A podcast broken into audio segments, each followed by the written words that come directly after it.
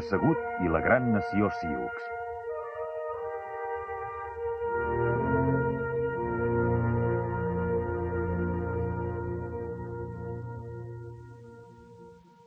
Eren el poble del llegendari toro assegut, els Sioux. Els nòmades lliures i orgullosos de les planes. Més que qualsevol altra tribu, personificaven el romanticisme de l'oest verge. Però la seva manera de viure, incloent-hi la possibilitat de recórrer les planes i de perseguir els immensos ramats de búfals, es devia al contacte amb la civilització d'origen europeu, la mateixa que després els destruiria a ells i la seva cultura.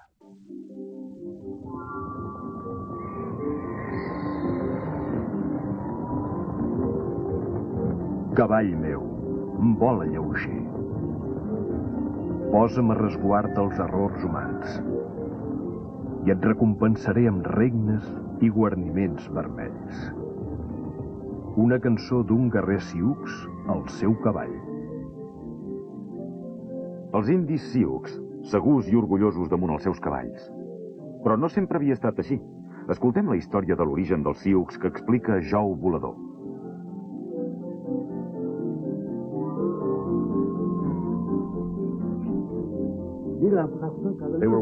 Anaven a peu i no podien caçar cap búfal, perquè els búfals eren massa ràpids i ells anaven massa lents. Estaven molt enfadats. Aleshores van pujar en un turó i van veure el cavall salvatge que van anomenar el gos sagrat. El van lligar amb una corda, però ningú hi volia pujar perquè els feia por, i se'l van endur al campament.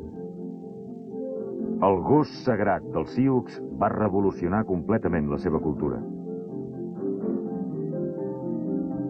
En els primers estadis de la seva cultura, feien servir els gossos com a animals de transport, però, és clar, això limitava molt la seva mobilitat. Va ser el cavall el que va donar als indis la mobilitat necessària per perseguir els ramats de búfals i per fer aquella vida nòmada. Els Sioux van prosperar molt. El cavall era gairebé com una unitat monetària. Com més cavalls tenies, més ric eres. Ara que tenien més capacitat de transport, els tipis, les seves tendes, podien ser més grans. I també es podien endur els vells i els malalts. Però el que era més important és que podien perseguir el búfal com mai. Amb el cavall podien caçar búfals cavalcant a tota velocitat i podien seguir el rastre dels immensos ramats per les planes obertes a través de centenars de quilòmetres. El búfal era l'element principal de la vida dels indis de les planes. Cada part del búfal els proporcionava una forma o altra d'aliment. Van tornar al poblat amb tots els cavalls carregats. I els més petits, que no podíem esperar el festí, vam agafar tant de fetge cru com vam voler. Ningú es va enfadar. Hi havia carn vermella penjant per tot arreu. La festa va durar tota la nit i vam cantar i ballar. Eren temps molt feliços. Hihaka Sapa, en negre. El cavall va portar una vida millor als Sioux. Però qui l'havia portat, aquell animal màgic? Els espanyols. Fins que Hernán Cortés no va arribar a Mèxic el 1519 amb 16 sementals i eugues, el nou món no havia vist mai un cavall. I quan van haver aconseguit armes de foc dels trampers francesos, els belicosos Sioux, que ara també tenien mobilitat, es van desplaçar des dels seus territoris ancestrals de Minnesota cap a territoris que tradicionalment havien estat d'altres tribus. Va ser un desplaçament cap a l'oest que va acabar amb la conquesta d'aproximadament una dotzena de tribus d'altres indis. Va ser un desplaçament que es va acabar a començaments del segle XIX. I aquells nous monarques de les planes del nord formaven una comunitat d'unes 20.000 persones repartides en set tribus. Aquelles set tribus, relativament petites, van donar les figures més llegendàries de la història de l'Oest, entre les quals destaquen el gran capdill i diplomàtic núvol vermell, el guerrer gairebé mític Cavall Boig, que no es va deixar fotografiar mai, i el visionari Toro Assegut, que tenia una voluntat de ferro. I va ser també aquest grup de tribus el que va infligir al poderós exèrcit dels Estats Units les derrotes més sonades. Pels altres indis eren els Sioux, els enemics, però ells s'anomenaven els Lakota, és a dir, les persones. Encara que pugui semblar estrany, aquella cultura guerrera venerava la vida familiar. La vida de família dels Sioux primer era la família. La família era la clau de la vida dels Sioux. Aquella vida nòmada que portaven feia necessari que cada membre de la família actués com a part de la unitat. Si no, s'hauria ensorrat tot. La paraula Lakota per dir nens és Wakansha. Waka vol dir cosa sagrada. Ens estimem els nens. El que més va impressionar els Lakota va ser que els immigrants paguessin els seus fills. Semblava que tractessin els seus fills com a animals, com a gossos, perquè els pagaven. Encara que es podia tenir més d'una dona, i moltes vegades era així, la norma era la monogàmia. Els papers del marit i la muller estaven molt ben definits. L'un no era necessàriament superior a l'altre, com ens podria semblar des de la perspectiva de la nostra cultura. El paper de l'home era caçar, fer la guerra i fabricar armes i altres estris de caça i de guerra. La dona s'encarregava del tipi i, en aquella societat, la família la portava la dona. En aquest sentit, era una societat matriarcal. Quan una parella es casava, ell se n'anava a viure amb ella, encara que fos d'una altra tribu. La noció de llibertat individual era sagrada pels Sioux. Es toleraven molts comportaments diferents mentre no alteressin el benestar de la tribu.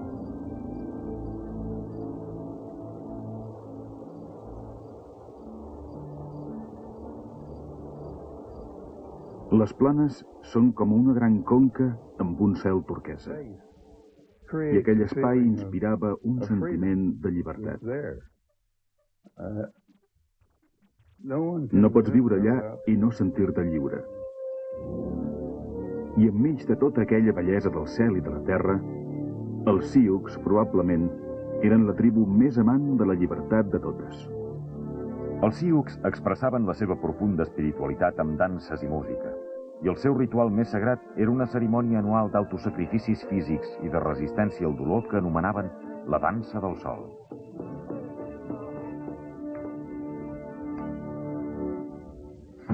El que sorprèn la majoria de gent, el que es considera sadisme, era aquella cerimònia en què s'arrencaven carn.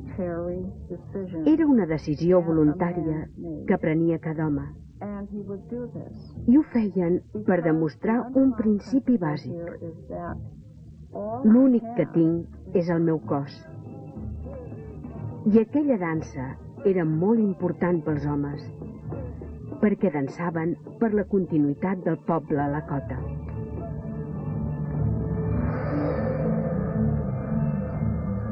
Mireu aquest jove.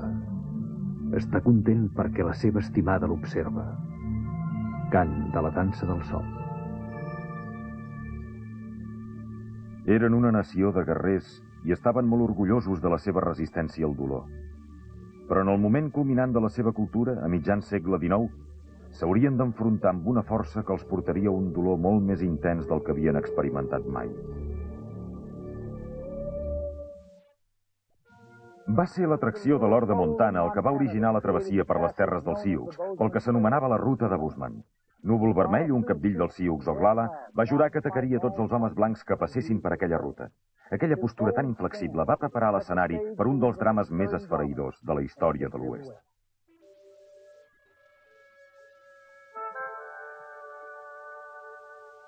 La cultura Sioux es basava en la guerra, els seus pictogrames, una mena de biografies de la tribu en forma de dibuixos, deixen molt clar el seu amor per la guerra.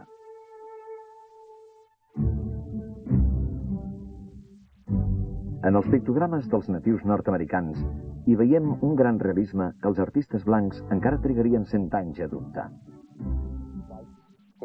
Els blancs donaven a les imatges de les guerres de l'Oest un vernís de romanticisme, una llum que les glorificava. En canvi, els pictogrames indis mostraven els horrors de la guerra, els cossos oberts i mutilats, la sang, el dolor que caracteritzava la guerra a les planes.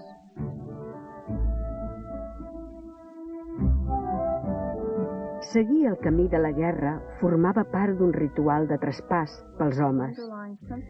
La guerra era l'element bàsic dels Lakota, perquè a través de la guerra els homes obtenien prestigi i el seu prestigi quedava reflectit en l'honor de tota la família. A mitjan segle XIX, l'home blanc era el nou enemic que havia entrat a formar part del sistema institucionalitzat i ritual de fer la guerra dels Sioux i en molt poques dècades, l'home blanc va portar a les planes unes quantitats de soldats, una tecnologia i unes tàctiques amb les quals els Sioux no s'havien enfrontat mai.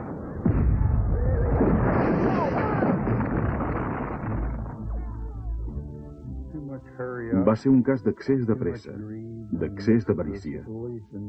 Els descendents dels europeus creien fermament en el manifest Destiny, creient que conquerir aquella terra era un dret que Déu els havia concedit.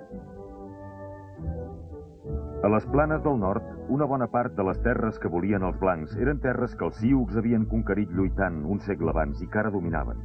I molt sovint aquella terra estava esquitxada d'or.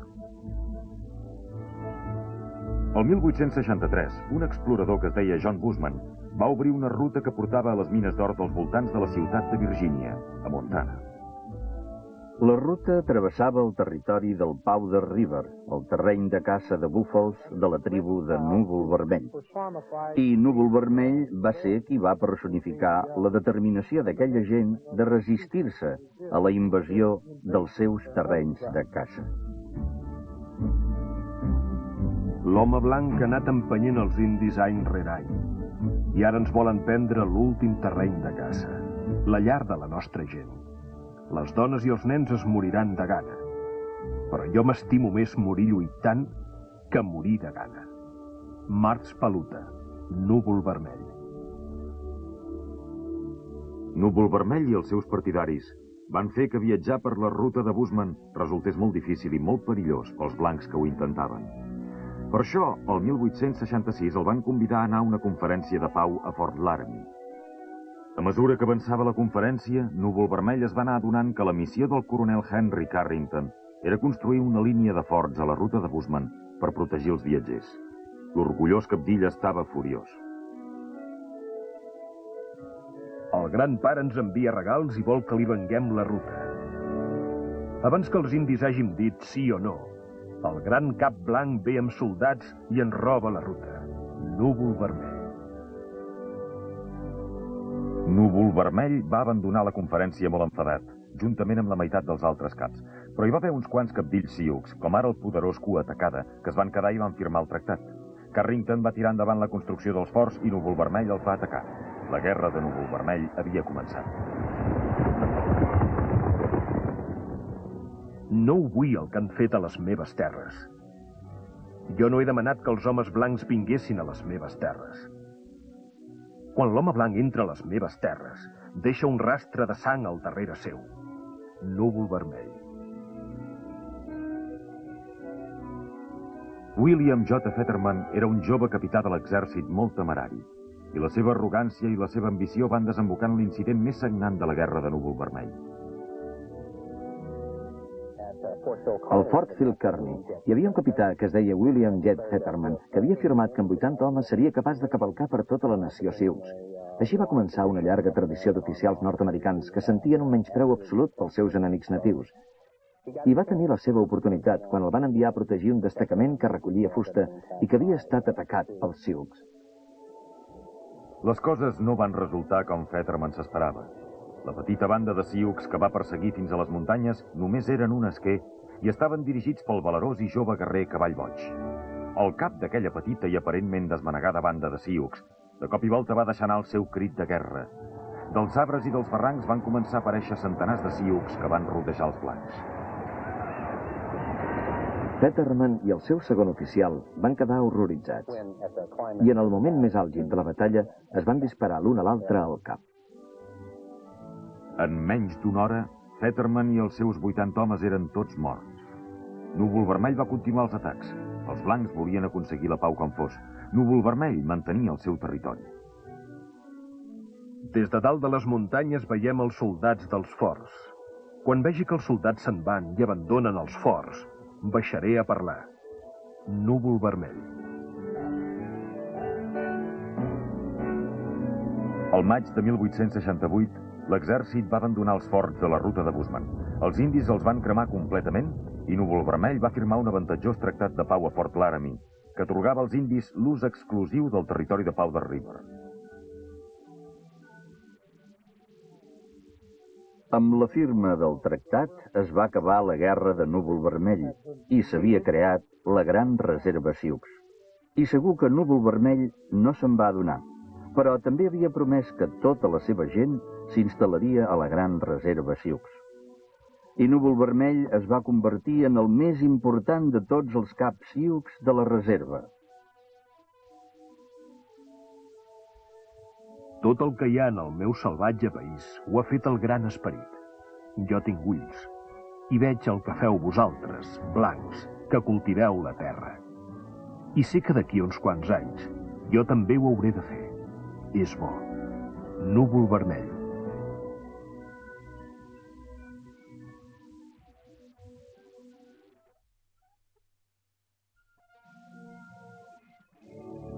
Al voltant del territori dels Sioux només hi havia els forts de l'exèrcit i uns quants pioners escampats que li recordessin l'existència de l'home blanc, i Núvol Vermell se sentia molt segur. Quan li van preguntar per la seva victòria del 1868 sobre el govern dels Estats Units, la seva resposta va ser directa. Jo tinc més soldats que el gran pare, i ell no em pot prendre les terres en contra de la meva voluntat. Núvol vermell. Al llarg de la seva vida, Núvol Vermell va anar vuit vegades a Washington com a negociador dels Sioux. Durant la primera visita al centre del poder blanc, la seva visió del món es va eixamplar tant que la seva seguretat va començar a canviar. La nostra nació es fon com la neu dels vessants de les muntanyes quan hi toca el sol, mentre que la vostra gent és com les fulles d'herba de la primavera quan ja s'acosta l'estiu. Núvol vermell. El govern va treure molt partit d'aquelles visites a Washington que feien els Sioux i diverses figures prominents d'altres tribus. Com que moltes tribus d'indis no tenien una organització de poder estricta, el govern dels Estats Units va haver de negociar amb molts líders i a vegades fins i tot va crear capdills perquè algú firmés els tractats. El govern no entenia com era que teníem tants capdills. Ells pretenien parlar amb un sol líder que representés totes les tribus, i això era impossible, perquè cada un de nosaltres té la seva pròpia banda, la seva pròpia tribu. Els donaven de beure i de menjar. Els portaven a la Smithsonian Institution i quedaven meravellats per les pintures índies de George Catlin. I també els portaven al Zoo Nacional, on Àguila Grisa va voler comprar una mona. També els ensenyaven les forces del país i la impressionant arquitectura de Washington. En bona part, la intenció d'aquells viatges era convertir els capdills guerrers en capdills de pau. Un capdill guerrer era aquell que havia merescut honors de guerra per haver sobresortit en la batalla. Un capdill de pau era un capdill dedicat més aviat als assumptes civils, que negociava, que buscava acords, unia la gent i que influïa en la direcció que prenia la vida de la tribu, dels Lakota, per exemple. Núvol Vermell estava preparat per convertir-se en un capdill de pau. La seva gent vivia a la gran reserva Sioux, en una zona tan extensa que quan es va crear pel Tractat de 1869 de Fort Laramie, abraçava tota la meitat de l'oest de Dakota del Sud. Durant la resta de la seva vida, Núvol Vermell va veure com la mida de la reserva s'anava encongint sense parar. Es va convertir en un diplomàtic molt hàbil, en un buròcrata molt hàbil, si es vol dir així. Era capaç de recórrer la fina línia que separava la seva gent del govern dels Estats Units i els seus agents. I va saber manipular la gent i mantenir el seu liderat i la seva influència fins al segle XX, fins que va ser molt gran. El tractat que havia fet anar Núvol Vermell cap a la reserva també prometia que una gran àrea de l'oest, incloent-hi les muntanyes sagrades de Black Hills, continuaria sent territori indi. Cap persona ni grup de persones podrà ocupar cap porció de terreny ni travessar-lo sense el consentiment dels indis. Tractat de 1868. Però el 1874 van córrer rumors que en aquella zona tan verge hi havia or. El govern hi va enviar el general de divisió George Custer, anomenat Pausca o cabells llargs pels Sioux, a investigar-ho. Va conduir els seus homes i les carretes d'aprovisionament fins al cor de les muntanyes sagrades de Black Hills i ben aviat va informar que hi havia or a les arrels de l'herba. Vaig saber que Pausca hi havia trobat molt metall groc d'aquell que fa tornar bojos als blancs. La nostra gent ja ho sabia, que hi havia petits trossos de metall groc, però no li feien cas perquè no servia per res. En negre. A les Black Hills hi havia or, i l'home blanc hi va veure una possibilitat de fer diners. Nosaltres ho veiem com un lloc on anàvem a resar i on trobàvem coses, potser millor que l'or.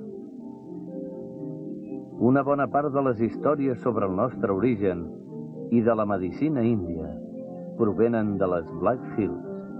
Ara que el búfal desapareixia ràpidament de les grans planes, les Black Hills i els seus voltants eren l'últim refugi dels Sioux. Els informes de Caster van provocar una cursa per l'or. A les Black Hills van començar a arribar-hi molts miners i van amenaçar les bandes de Sioux que no vivien a la reserva, que havien triat el tradicional estil de vida nòmada, que els detindrien. Si no entren als límits de la reserva abans del 31 de gener, seran considerats hostils i l'exèrcit els tractarà d'acord amb això. Edward P. Smith, comissionat pels Afers Indis, 1875. Aquelles condicions portarien al cap d'un any a la batalla més famosa de la història de les guerres índies.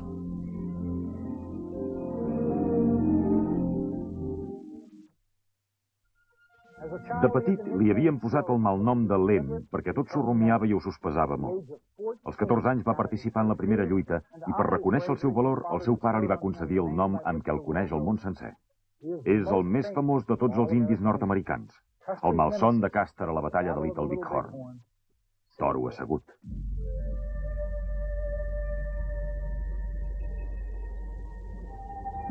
No tinc intenció de vendre cap part de la meva terra ni deixaré que els blancs vinguin a tallar arbres als nostres rius, i encara menys els roures. Me'ls estimo especialment, aquells petits boscos de roures. M'agrada mirar-me'ls i sento un gran respecte per ells, perquè suporten les tempestes de l'hivern i la calor de l'estiu i, igual que nosaltres, creixen i prosperen tots sols. Tatonka e Otanga. Toro assegut. Era una manera de viure molt agradable. I l'home blanc va voler que l'indi canviés i el va dur a la reserva. I Toro assegut no ho acceptava. Per això va donar la vida, per defensar la manera de viure d'un Toro assegut tenia més poder que qualsevol altre capdill indi, perquè al llarg dels anys va anar sumant molts seguidors. I jo diria que va aconseguir tants seguidors pel fet que no va pactar. Toro assegut simplement no estava disposat a renunciar a cap parcel·la de llibertat ni a l'autonomia cultural que havia convertit el seu poble en un gran poble i allò el va convertir en un home important entre la seva gent. Toro assegut, de la tribu dels Kungpapa, va ser l'equivalent d'un home del renaixement entre els Sioux. Tot i que no va rebre el liderat per herència, era un home sagrat. Era un gran guerrer. Era un polític que sabia negociar, componia cançons i pintava. Els seus pictogrames parlen dels honors d'una vida noble, destinada a tenir una fi tràgica per l'agitació dels temps. Els seus pictogrames s'identifiquen pel seu jeroglífic propi.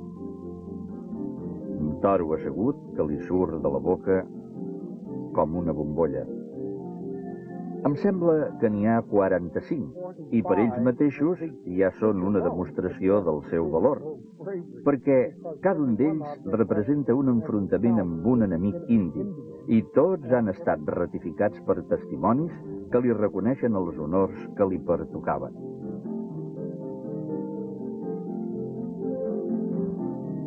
Tot i que aquest conjunt de pictogrames ens parlen només de les seves gestes contra els enemics indis, Toro Assegut és conegut sobretot pels seus enfrontaments amb l'home blanc. Es va començar a fer conegut quan es va firmar el Tractat de 1868 que establia la Gran Reserva Sioux. Toro Assegut va ser un dels capdills que es va negar a acceptar els termes del tractat i moltes bandes de Sioux que pensaven com ell i de xeienes del nord es van unir sota el seu liderat. Volien viure en llibertat i no perdonaven els que havien acceptat la reserva. Esteu bojos per haver acceptat l'esclavitud a canvi d'un tros de cansalada, unes quantes galetes i una mica de sucre i de cafè. Toro assegut. Els seus seguidors el veien com el seu capdill, però sobretot com un líder cultural i religiós. Tenia la capacitat de veure les coses, d'entendre-les. Hi ha gent que de seguida dirà tenia alguna cosa especial, és un misteri. Per tant, devia ser un curandero. Però no era això. Tenia la capacitat de preveure les coses, de fer profecies. La profecia més famosa de Toro Assegut va ser durant la guerra per les muntanyes de Black Hills, quan va celebrar una dansa del sol. Es va fer tallar 100 trossets de carn dels braços i després va ballar durant més de 24 hores. Mentre feia la dansa del sol, va tenir la visió dels soldats atacant de cop i volta el poblat dels Sioux. I va resultar ser una predicció exacta del que va passar al cap d'un mes. Encara no. Perseguits per l'exèrcit dels Estats Units, la gran tribu Sioux de Toro Assegut, uns quants xeienes del nord i uns quants arapahoes van traslladar el campament a un lloc que anomenaven Herba Relliscosa. Altres en deien Little Big Horn. El 25 de juny de 1876, el temerari Cabells Llargs, el general de divisió George Armstrong Custer, va conduir cinc companyies de cavalleria directament cap al seu campament que feia 4 quilòmetres de llarg. I a menys d'un quilòmetre del campament, els Sioux es van enfrontar amb els invasors. La batalla de Little Big Horn va representar el triomf militar més important de la història dels Sioux, tant contra els blancs com contra altres tribus. Van atacar senzillament per defensar-se. Van lluitar només perquè havien estat atacats i perquè les seves famílies corrien perill. Segons la meva àvia, la batalla només va durar uns 20 minuts. No van trigar més a eliminar aquesta. A la batalla de Little Big Horn, els Sioux i els seus aliats van destruir el nucli del setè de cavalleria. Curiosament, Toro Assegut, a qui la premsa va concedir la victòria sobre Caster, no va participar en la batalla principal. Aquell dia, els Sioux els dirigia el gran cap Cavall Goig. La contribució de Toro Assegut va ser bàsicament espiritual. En la seva visió, ja havia vist què passaria, i l'únic que havien de fer era dur-ho a terme. Nosaltres creiem en aquestes coses. Això és el que passarà. Això és el que passarà. I normalment passa. I la gran contribució de Toro assegut a la batalla va ser precisament el fet que ja sabíem que guanyaríem. Però hi havia una segona part en la profecia de Toro assegut. Una segona part que els guerrers no van tenir en compte. Aquests soldats morts que s'acosten són un present de Walk Tonka. Mateu-los, però no els agafeu ni les armes ni els cavalls. No toqueu els cadàvers. Si poseu els vostres cors en els vents de l'home blanc, caurà una maledicció sobre la nostra nació. Toro assegut després de la dansa del sol. Però després de la gran victòria Sioux va venir la venjança. L'exèrcit dels Estats Units, sota les ordres de Sherman i Crook, va fer servir contra els Sioux la mateixa política de terra cremada que havia anat tan bé durant la Guerra Civil hi van morir molts homes, dones i nens. Uns quants capdills siucs, entre ells Cavall Boig i els seus seguidors, es van rendir. Però Toro Assegut va agafar la seva gent i va creuar la frontera del Canadà amb l'esperança de poder mantenir el seu estil de vida tradicional. Mentre quedi algun esquirol per menjar, no tornaré. Toro assegut.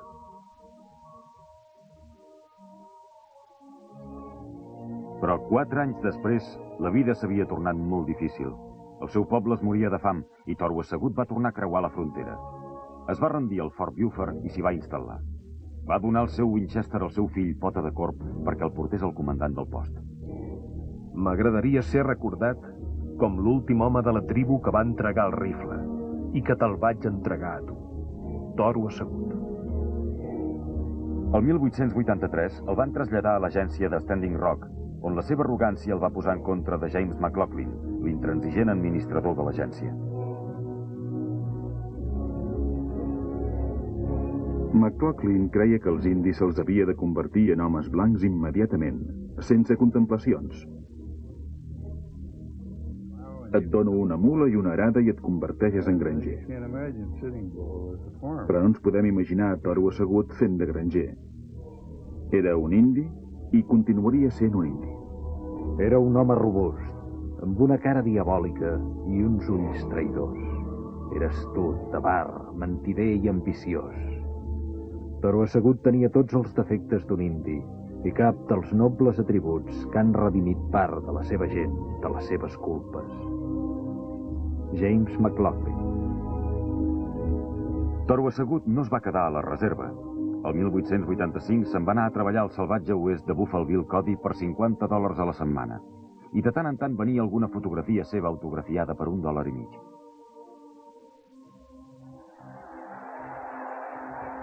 Era molt generós a l'hora de repartir diners entre els venedors de diaris i altres pillets que rondaven pel lloc on s'instal·lava l'espectacle. No entenia que hi hagués tanta pobresa enmig de la riquesa de la Badlang. Don Russell, biògraf de Buffalo Bill. El 1887, Toro Assegut va refusar l'oferta de Buffalo Bill per anar-se'n a Europa perquè pressentia que el govern intentaria prendre més terres a la seva gent i es va convertir en un negociador inflexible.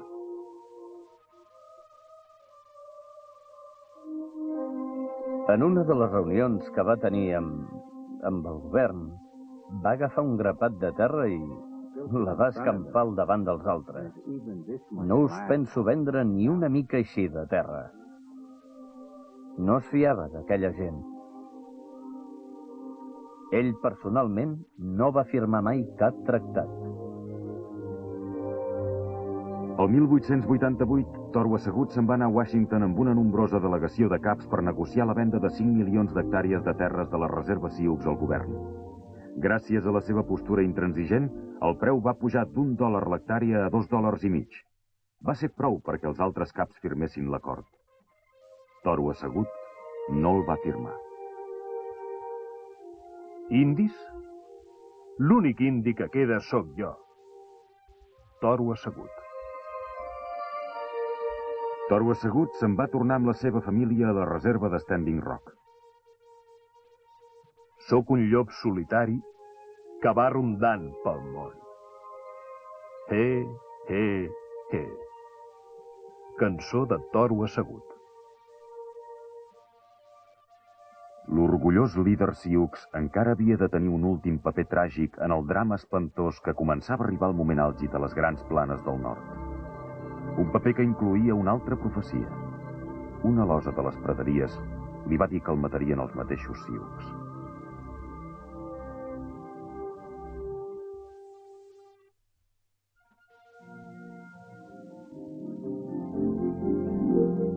Els Sioux, tan amants de la llibertat, trobaven que la reserva era com una presó i se'ls feia gairebé insuportable. En l'espai d'una dècada, aquella gent va caure en una catàstrofe cultural. Estaven desmoralitzats. Veien que havien perdut tot el que havia donat sentit a les seves vides. I allò va ser una terra prou fertilitzada perquè hi florís la religió de la dansa dels fantasmes al 1890. Aquella religió reanimadora va tenir els seus orígens a Nevada, però es va estendre per les tribus índies de tot l'oest, que veien com la seva cultura desapareixia. El profeta de la religió era un místic paiuta anomenat Reboca, que havia tingut una visió de salvació durant un eclipsi de sol. Tots els indis han de ballar, per tot arreu. Que no parin de ballar. Molt aviat, la primavera que ve, arribarà el gran esperit. Ens tornarà a portar caça de tota mena. I tots els indis morts ressuscitaran. Tots els indis aniran a les muntanyes, lluny dels blancs. Aleshores, vindran grans inundacions i tots els blancs moriran. Revoca. Toro Petit i Os Corredor eren dos sioux que havien conegut Revoca a Nevada i s'havien convertit en deixebles de la nova religió. I per invitació de Toro Assegut, Os Corredor va portar la dansa dels fantasmes a la reserva de Standing Rock. Toro Assegut, finalment, va abraçar els ensenyaments d'Os Corredor, tot i que hi ha alguns dubtes de si la seva creença era ferma. Però des d'aleshores, Toro Assegut va ser apòstol de la dansa dels fantasmes a la reserva de Standing Rock. A les riberes del Grand River, a l'ombra de la cabana de toro assegut, els Sioux celebraven la dansa dels fantasmes amb elements militars afegits. Deien que les seves camises de fantasmes aturaven les bales. L'agent James McLaughlin estava furiós. Hi havia molta agitació. Deixaven que la gent ballés fins que queien a terra. I una celebració diària, amb tan poc menjar, feia que es tornessin bojos. James McLaughlin. McLaughlin va demanar que s'aturessin les danses. Toro assegut no li va fer cas. I McLaughlin va ordenar que detinguessin Toro assegut. Era un home molt caut i va fer servir guerrers indis. Una vegada més van fer servir indis. Va cridar 30 o 40 indis. Els va nomenar oficials de policia i els va dir «Vinga, feu la feina vosaltres». El tinent cap de Búfal va ser qui va dirigir l'escamot cap a la cabana de Toro assegut. L'acompanyava el sergent Tomahawk Vermell. I van despertar Toro assegut abans de l'alba. Era el 15 de desembre de 1890. Caçador d'ossos, que era enemic mortal de cap de búfal, va agafar el seu Winchester i li va disparar al pit. Mentre queia, cap de búfal va apuntar la pistola cap a Toro assegut i també li va disparar al pit. I en aquell mateix moment, el sergent Tomahawk Vermell va disparar a Toro assegut al darrere del cap. I aleshores va començar el tiroteig. Van començar a disparar-se tots l'un contra l'altre a molt poca distància. En aquella matinada tan freda, juntament amb el gran capdill, van morir sis policies indis i set seguidors de Toro Assegut, i també Pota de Corp, el fill de Toro Assegut. S'havia complert una altra profecia de Toro Assegut. L'havien mort guerrers sioux. Va ser un final tràgic i un enfrontament sense cap sentit perquè entre els que van disparar contra els policies indis hi havia familiars seus. I els policies indis van matar el capdill sioux més gran que hi ha hagut mai. Si apareix algú a mitjanit i et mata tu i el teu fill, què és el que va passar? Després tots els altres se'n van corrent. I això és precisament el que van fer. Van fugir d'allà. Se'n van anar a Sherry Creek, a Dakota del Sud, on s'havia instal·lat Peu Gran. 38 seguidors de Toro Assegut es van unir a Peu Gran i la seva banda de gairebé 300 persones.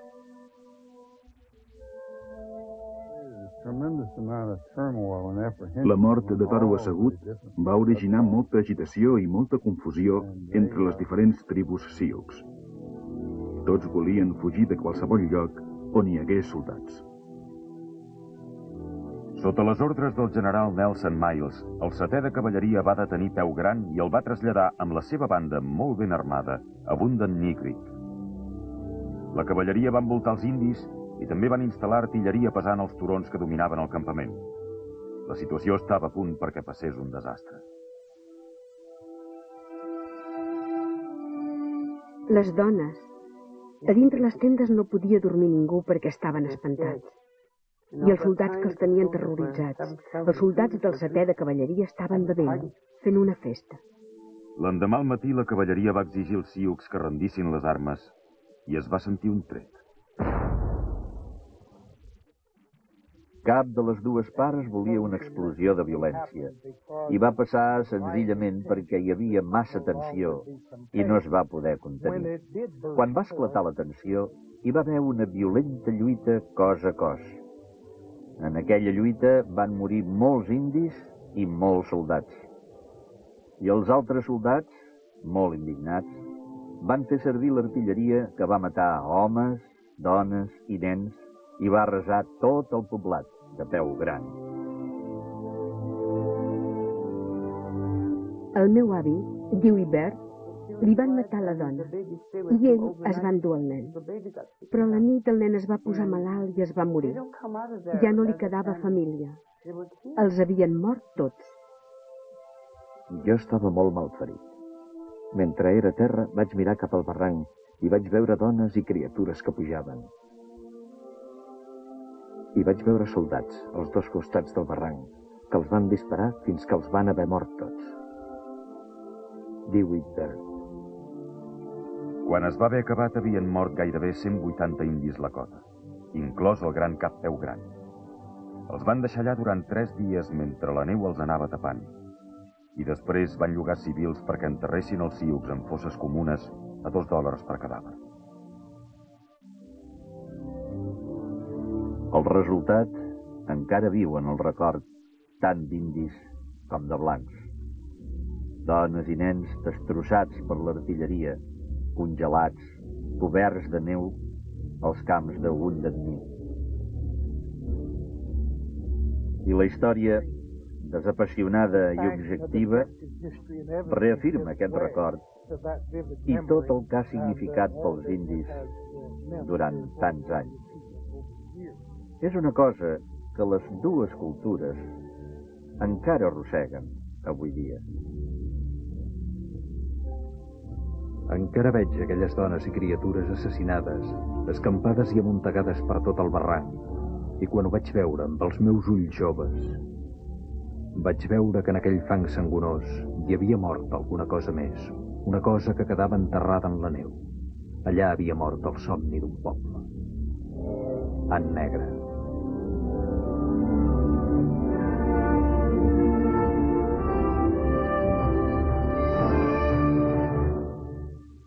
Quan van veure que les seves camises de fantasma no aturaven les bales a Wounded Knee, els indis van entendre que la màgia, igual que els búfals, havia desaparegut. Els Sioux es van resignar a viure en reserves i van començar la penosa recerca d'una nova identitat.